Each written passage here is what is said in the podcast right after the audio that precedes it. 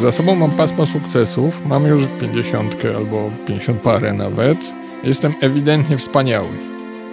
I właśnie bronię się przed trudną zmianą, tym, że jestem taki wspaniały. Ja jestem pracownikiem, menedżerem globalnym. I to wewnętrzne przekonanie to się upowszechnia. Jeśli mowa o najwyższych stanowiskach, to ten temat dopasowania zaczyna być najważniejszy w porównaniu z kryterium kompetencyjnym. Jeżeli na niższym szczeblu masz okazję zacząć pracę za granicą, no to myśląc o takiej poważniejszej karierze międzynarodowej, no to dobrze jest wyjechać.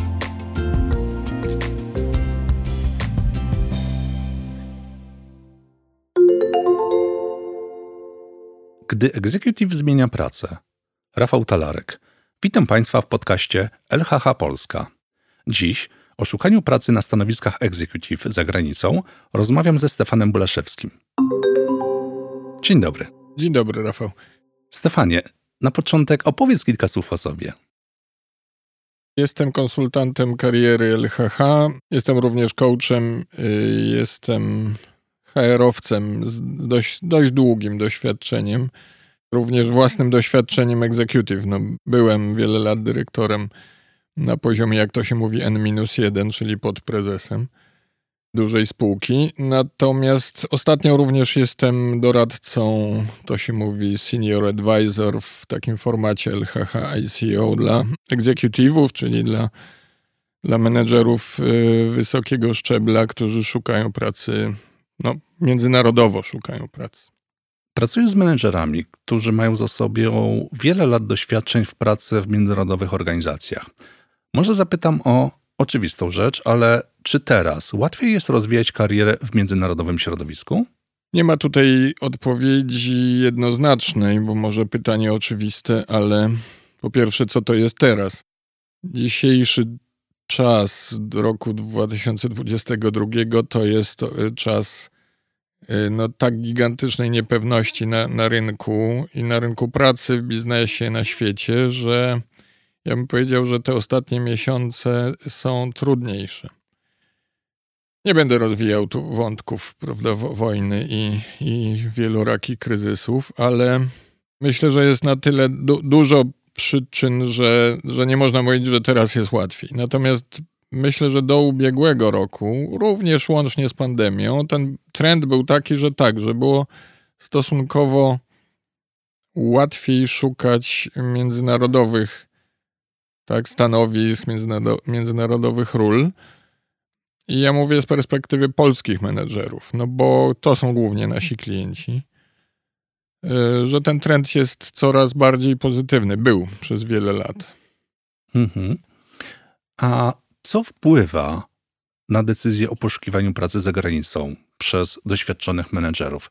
Czy mógłbyś wymienić przesłanki, które ułatwiają właśnie takie poszukiwania? Znaczy, co wpływa na decyzję, to to jest jedna, mm, ja myślę, że taka, takie wewnętrzne przekonanie, że ja jestem pracownikiem globalnym, tak, menedżerem globalnym. I to wewnętrzne przekonanie to się upowszechnia w dzisiejszych pokoleniach, szczególnie tych pokoleniach no, takich średnio dojrzałych, tak, do, do pięćdziesiątki. Y, ono jest stosunkowo już powszechne przekonanie. Jestem pracownikiem świata a już na pewno pracownikiem Europy. I w tym sensie ta decyzja, jeżeli oczywiście nie ma ograniczeń y, z powodów rodzinnych, jakichś takich dotyczących relokacji i, i, i pracy w innym kraju, to decyzja jest względnie łatwiejsza niż kiedykolwiek dawniej. Mm, natomiast są inne czynniki, no bo jest ten czynnik wieku. Ja, ja tu już powiedziałem, tak, że do, do 50 to, to łatwiej, to jest naturalne. Y, od wieku 50, 50 parę, to już zaczynają się takie rozważania, że po pierwsze rozważania inne, po drugie no też pewien obiektywny fakt, że tam są różne ślady jeszcze, tak bym nazwał, polskich kompleksów. Częściej niż, niż w pokoleniu 40-40 parolatków. Wspomniałeś o ograniczeniu takim obiektywnym, wynikającym z wieku. Ale czy poza wiekiem widzisz jeszcze jakieś inne przesłanki, które są ograniczające i wynikają z błędnego postrzegania tego rynku?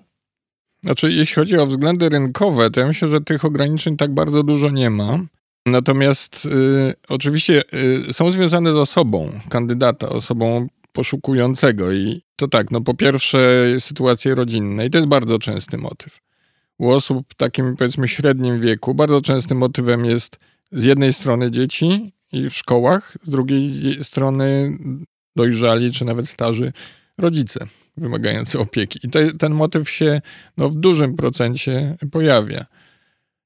A i zupełnie inny wzgląd to jest wzgląd języka, znajomości języka i płynności tego języka. Yy, właściwie w tej chwili już nie, nie, spotykamy się z czymś takim, że no, doświadczony menedżer z poziomu executive sobie słabo radzi z angielskim. Prawie tego już nie ma. Natomiast ograniczeniem jest nieznajomość drugiego języka. I, i ten wątek, ten wątek jest ciekawy, bo, bo to naprawdę ogranicza, jeżeli ktoś, kto zna płynnie angielski, poruszał się w tym świecie międzynarodowym, ale pracując dotychczas w Polsce, chce szukać pracy zlokalizowanej, dajmy na to, Szwajcarii, to tutaj jest ograniczenie. Ono nie zawsze jest y, na przykład w ogłoszeniach publikowane, że konieczny język niemiecki płynny, ale w praktyce to się okazuje, że tak, że to jest bardzo potrzebne. Mówisz potrzebne, ale czy to jest ograniczenie dyskwalifikujące? Ja się spotkałem z historią osoby, która y, zatrudniła się w, w Szwajcarii Pracowała w środowisku szwajcarskim i niemieckim i pracowała wyłącznie po angielsku. I usłyszałem opowieść zastanawiającą, naprawdę, że ponieważ tamto środowisko było niemieckojęzyczne i wcale nie wszyscy byli ta, aż tak płynni po angielsku, można powiedzieć, jego kariera była przystopowana, przyblokowana. Jego awanse, możliwości ruchu w górę albo jakichś, jakichś zmian, ze względu na to, że nie mówił. Znaczy, oni powiedzieli mu na początku, ucz się intensywnie niemieckiego, ale ja słyszałem tę opowieść po kilku miesiącach. Mówi, mam 40 parę lat, to jest bardzo trudne od zera się nauczyć e, niemieckiego, więc tutaj no, bardzo prosta rekomendacja dla 30-latków. Uczcie się drugiego języka, nie tylko, a nie tylko angielskiego. I myślę, że w Europie to tym numerem dwa jest niemiecki. Wspomniałeś o poszukiwaniu pracy przez menedżerów, którzy mieszkają w Polsce, ale za granicą. Czy widzisz różnicę pomiędzy pracą w międzynarodowej organizacji i obsługą rynków zagranicznych, europejskich, amerykańskich, azjatyckich, ale z Polski, a epizodami dłuższymi lub też krótszymi, związanymi właśnie z pracą w placówkach już stacjonarnie w tamtych miejscach.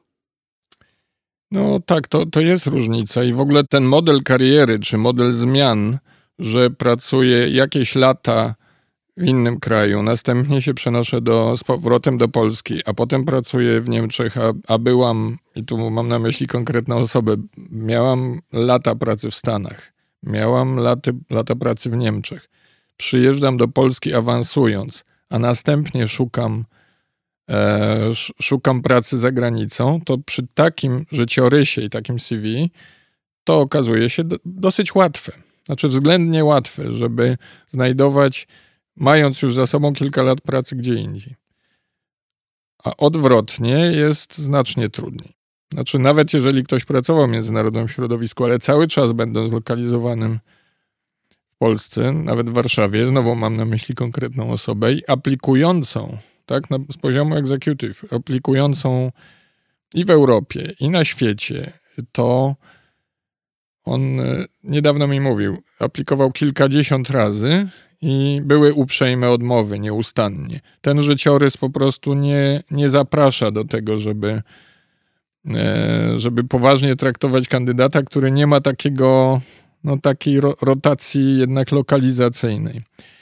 I tutaj znowu pewna rekomendacja. Jeżeli na niższym szczeblu masz okazję zacząć pracę, na niższym szczeblu menedżerskim i wiekowym, tak, y, pracę za granicą, no to mm, myśląc o takiej poważniejszej karierze międzynarodowej, no to dobrze jest wyjechać.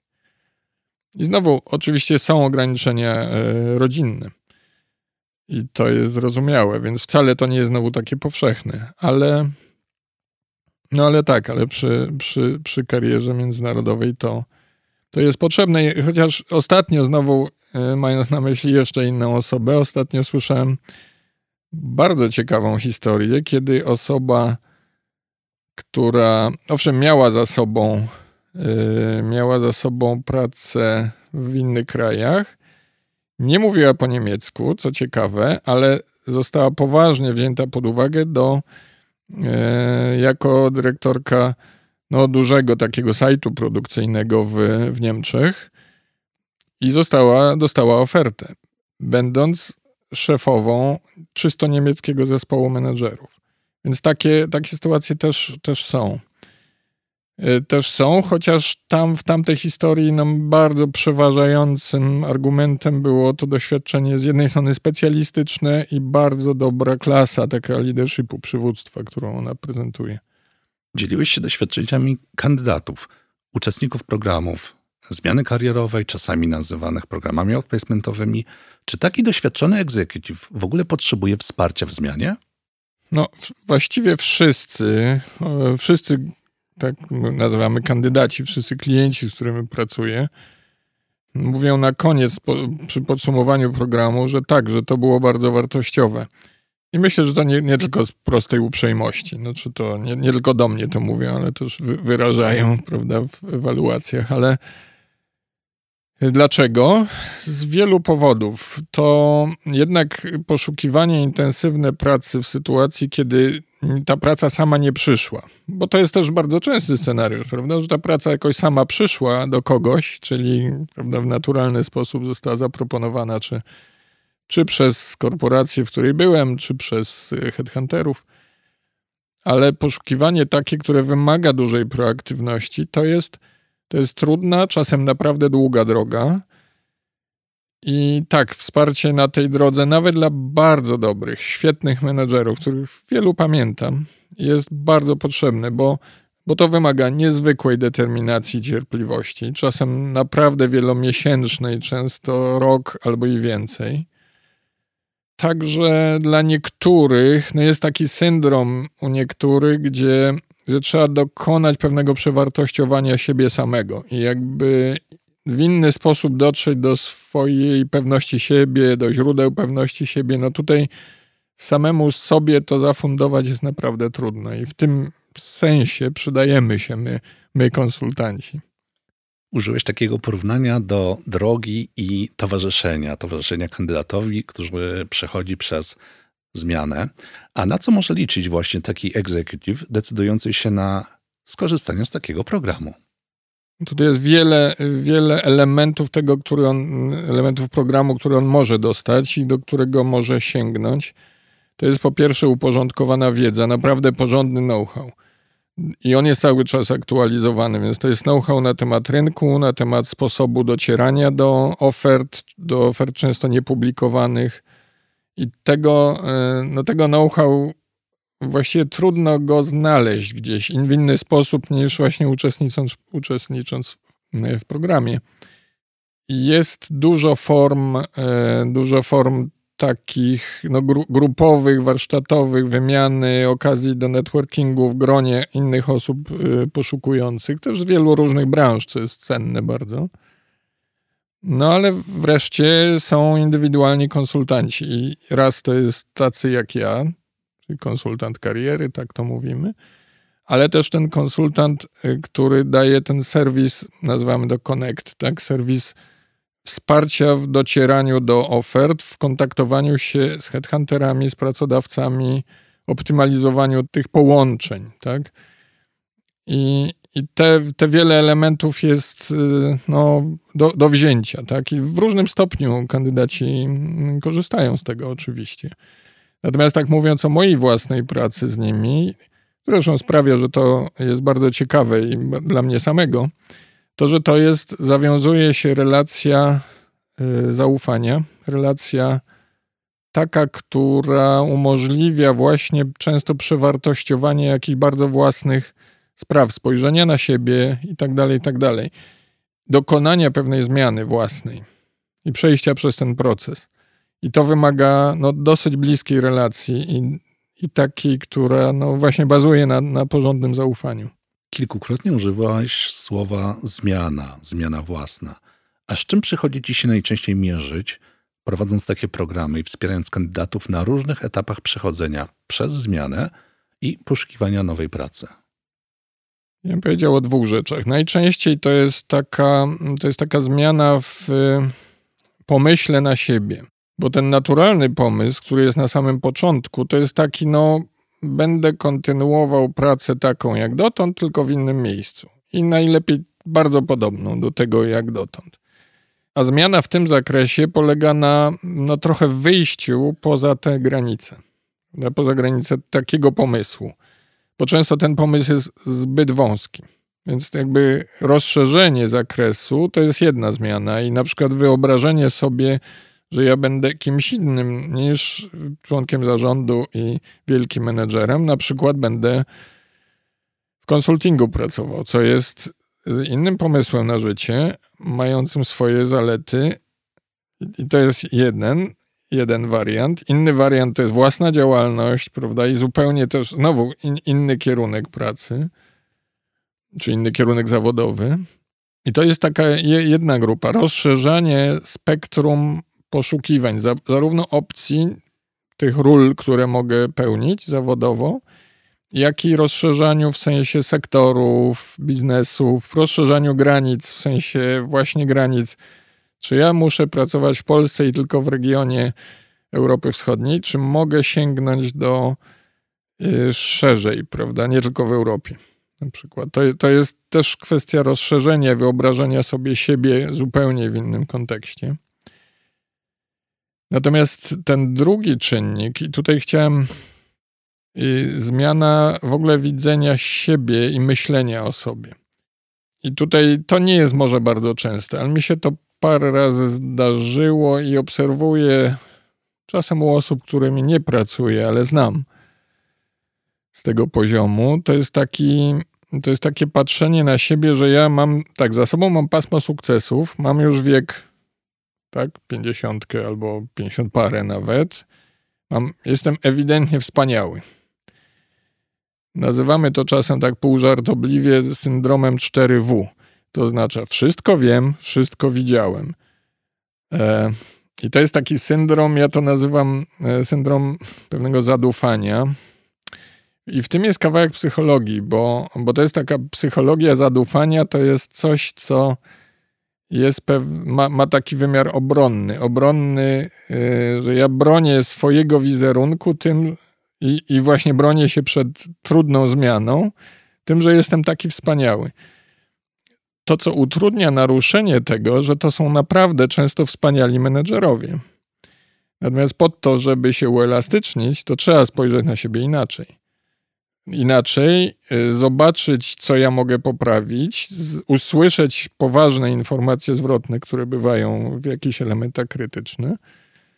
I więc ten syndrom 4W no naprawdę jest przeszkadzający. Jak tylko opowiadasz o, o tym, to słyszę tutaj pewien proces. Proces, który chyba z natury rzeczy jest długotrwały. Według Twoich doświadczeń, ile czasu musi upłynąć, ażeby menedżer mógł przepracować tą zmianę i wyjść w sposób efektywny, poruszać się po rynku, docierać do ofert, docierać do headhunterów, rozmawiać z decydentami i wygrywać interesujące go stanowiska. Mm, wiele miesięcy, to tak typowo bym powiedział, wiele, co najmniej kilka miesięcy, ale czasem to jest szybsze. Bo są ludzie, którzy mają bardzo taką dynamiczną naturę i patrzą na siebie w sposób taki zwinny i szybki, tak jak działali w biznesie.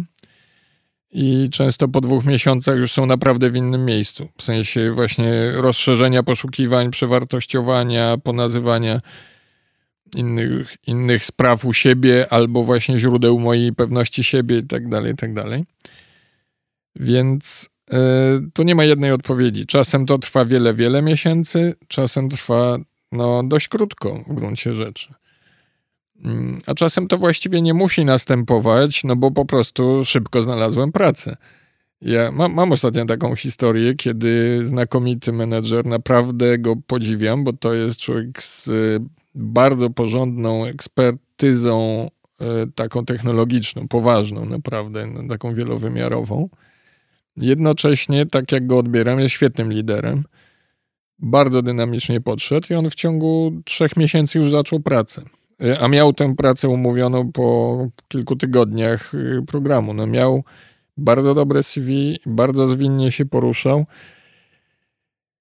No, miał też dobry wiek, miał 40, jeśli dobrze pamiętam, 42 lata, więc to jest taki optymalny wiek, że już mam długie doświadczenie, a jestem jeszcze, jestem jeszcze młody. E, w tym programie wsparcia też pracujemy nadal, bo programy są zdefiniowane, że one są zdefiniowane w, mm, w kategoriach miesięcy czasu.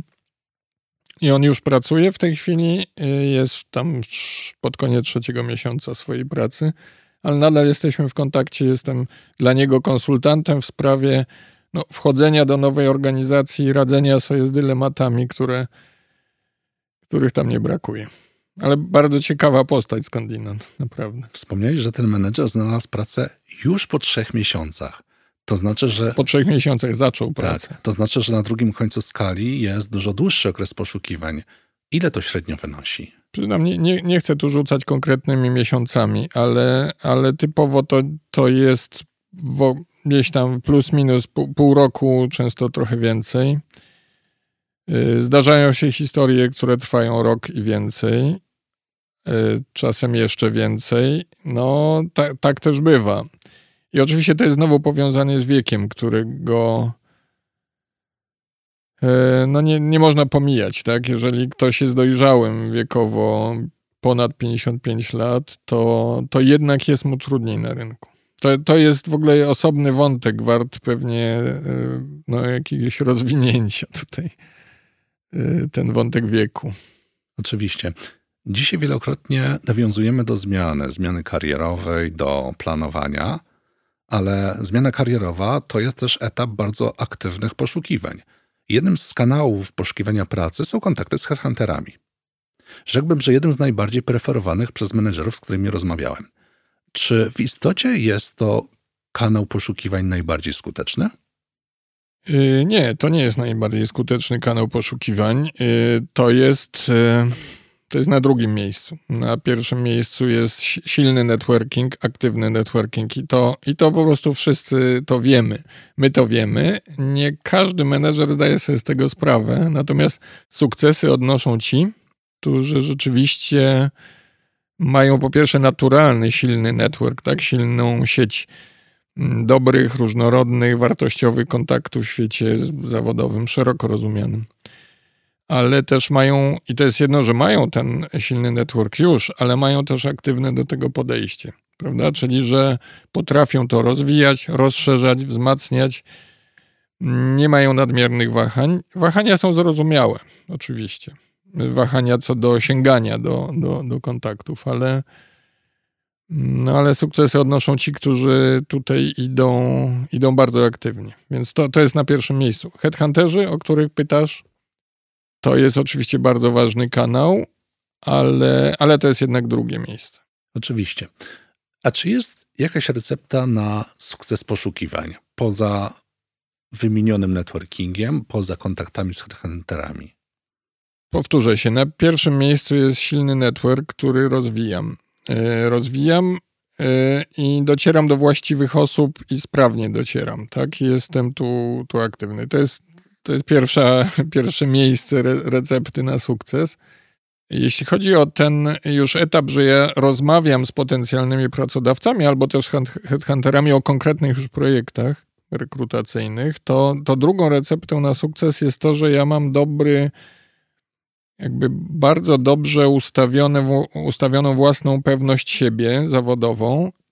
Ja bym to nazwał taką zrewitalizowaną pewnością siebie, czyli Zwykle osoby pracujące na wysokich stanowiskach mają tę pewność siebie, ale dość często ona jest związana z kontekstem organizacji i pozycją i samą rolą wysoką, którą pełni.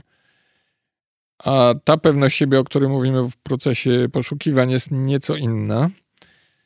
Tu chodzi o, o spojrzenie, uczciwe spojrzenie na mój bilans moich osiągnięć i, i czerpanie z faktów bardziej niż faktów, które mojego wkładu, mojego kim ja jestem, co ja potrafię i jaki jest rzeczywisty mój wpływ na rzeczywistość, tak, zawodową, biznesową, a, a nie jakby odrzucając konteksty no, całego anturażu roli, w której byłem. Tak, ten, to przestaje mieć znaczenie żadne.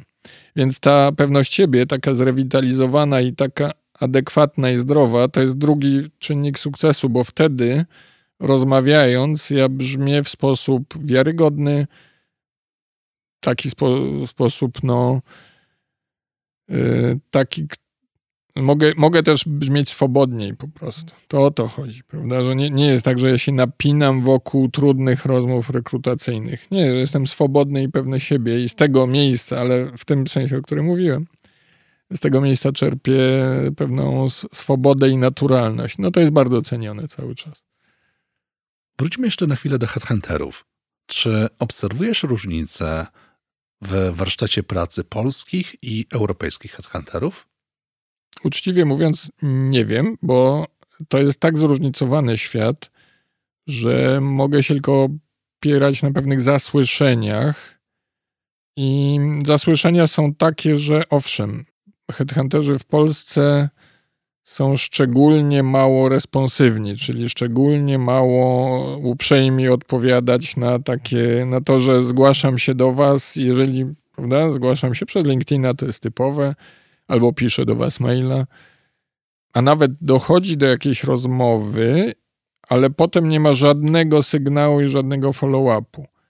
Narzekania na polskich headhunterów, że są mało responsywni, że po tych pierwszych kontaktach jest, zapada głucha, grobowa cisza, no to w Polsce wydaje się, że to ja takich głosów słyszę sporo. Ale ostatnio, to zresztą ciekawe, bo uczestniczę w tym gronie senior advisorów mm, europejskich w programie takim ICO dedykowanym właśnie międzynarodowym kandydatom. To słyszałem z kilku ust kolegów z innych krajów europejskich, że headhunterzy są mało responsywni, więc to mm, szczerze mówiąc, nie, nie wiem, czy, czy naprawdę jakby obiektywnie to tak jest, że polscy są, że tak powiem, gorsi dla, dla poszukujących. Natomiast no jednak słyszałem kilka takich przykładów, że o ile w Polsce to nie, nie mam informacji zwrotnej żadnej, to jak rozmawiałem w Berlinie z kimś, to potem, i to nawet nie jednym, to owszem miałem. Albo rozmawiałem z londyńskimi headhunterami. Może kwestia, tak się domyślam, że może kwestia jednak zakorzenionych, trochę porządniejszych standardów profesjonalnych, no ale umówmy się, że y, informacja zwrotna taka negatywna albo jakakolwiek, dziękujemy uprzejmie za zgłoszenie, mm, to ona nie ma aż takiego znaczenia. Więc może to jest tylko kwestia psychologii odbioru. Prawda? I to ja mówię o pewnych wrażeniach y, osób poszukujących. Natomiast niewątpliwie, bo i to jest temat tutaj pokrewny temu, że jeżeli szukam międzynarodowych ról, takich ról powiedzmy regionalnych albo europejskich, w dużych organizacjach, no to tego typu zlecenia od dużych pracodawców no częściej się znajdą właśnie w Londynie, właśnie nie, we Frankfurcie czy, czy w Zurichu niż w Warszawie. Ta, tak jest. Ja myślę, że to no, trudno się temu dziwić. Kandydaci poszukując pracy opierają się na różnych kryteriach wyboru, wyboru pracodawcy. Wspominałeś o kryteriach geograficznych. Są też kryteria związane ze branżą, najchętniej z chęcią pozostania w dotychczasowej branży, ale też dużo mówi się o dopasowaniu. Czym ono jest dla menedżera? Usłyszałem taką tezę, którą, z którą się w dużej mierze zgadzam, że jeśli mowa o najwyższych stanowiskach, czyli stanowiskach szefów y, takich grup biznesowych, tak, że jestem szefem wielkiej organizacji na Europę, no to ten temat dopasowania, jeżeli konkuruje z innymi kandydatami, to ten temat dopasowania zaczyna być najważniejszy w, w porównaniu z kryterium kompetencyjnym, bo na tym poziomie, jeżeli są kandydaci, jest wybór, to oni są bardzo wysoko kompetentni. A dopasowanie, y, no to jest tutaj w dwojakim sensie. To jest takie pytanie, prawda? po angielsku mówimy how fit, prawda? Na ile to jest człowiek pasujący. I teraz jedno to jest pasujący jego dokonania z kontekstem biznesowym, który jest w tej organizacji. I to jest niewątpliwie kluczowa sprawa, czyli jego dokonania, jego układ doświadczeń z tym kontekstem i tymi sprawami, które są w perspektywie najbliższych lat w tej organizacji. Na przykład kontekst y, zmian, reorganizacji i takiego bardzo twardego, twardo rozumianego change managementu. To jest jedno. Natomiast drugi rodzaj dopasowania, no to to jest coś bardziej subtelnego, ale związanego z wartościami, pewnym stylem, tak? Sty stylem pracy, stylem przywództwa, wartościami typu, no na ile rzeczywiste wartości w tej organizacji pasują do tej osoby i jego no jakby układu takich preferencji y, osobisto-zawodowych. To jest coś subtelnego, ale też o ogromnym znaczeniu, no bo niektóre branże, niektóre zespoły tam top menedżerskie, one preferują y, menedżerów znacznie bardziej twardych, tak? takich tough, prawda? Inne a inne świadomie uważają, że, że potrzebni nam są liderzy, którzy powodują, że ludzie za nimi idą, są osobami o szczególnym prawda, ładunku inteligencji emocjonalnej i tak dalej. W tym sensie do, dostosowanie, dopasowanie no, ma bardzo poważne znaczenie też. Mówimy o dopasowaniu, natomiast dopasowanie to jest też często pewne wyobrażenie. Wyobrażenie, z którym menedżerowie wchodząc do programu, decydując się na poszukiwania, określają też listę firm, które ich najbardziej interesują. Czy zdarza ci się widzieć później rozczarowanie tym, co zobaczyli w bliższym kontakcie z organizacją, z osobami, które tam pracują? No tak, oczywiście. To, to jest zresztą jeden z takich wątków, którymi końcówce, jeżeli już jest oferta i składają, to bardzo staram się, pracując z kimś takim, y, zadawać mu takie pytanie: czy ty na pewno wiesz, że chcesz pracować z tym człowiekiem albo z tymi szefami, bo to często jest w korporacjach, że będziesz miał, y, będziesz miał dwóch szefów i czy ich dobrze poznałeś wcześniej i czy wiesz, że ty ich wybierasz to, to brzmi trochę może tak nie, niezbyt, yy, niezbyt serio, że ty ich wybierasz, ale to naprawdę jest decyzja. Prawda? Czy ja chcę pracować właśnie z tymi szefami. I dokonanie poważnej takiej diagnozy tej sytuacji, taki, prawda, tego, jak, jaki to jest styl po stronie kandydata, no zdecydowanie to jest. I zdarza się, że z tego powodu y, się wycofują ludzie, chociaż to nie jest łatwe, oczywiście, no bo firma ciekawa, atrakcyjna propozycja, ale są wątpliwości co do, co do osób yy, przełożonych. Jest też inny rodzaj wątpliwości. Okazuje się, na przykład ostatnio słyszałem od osoby, która już zaczęła pracę na dyrektorskim, dużym takim stanowisku zarządowym też, że rzeczywistość, którą zastaje, jest dużo gorsza niż mu się wydawało. Mówi tak, tu właściwie tego w ogóle nie ma, o czym była mowa. E, to ja, ja teraz co ja mam z tym zrobić?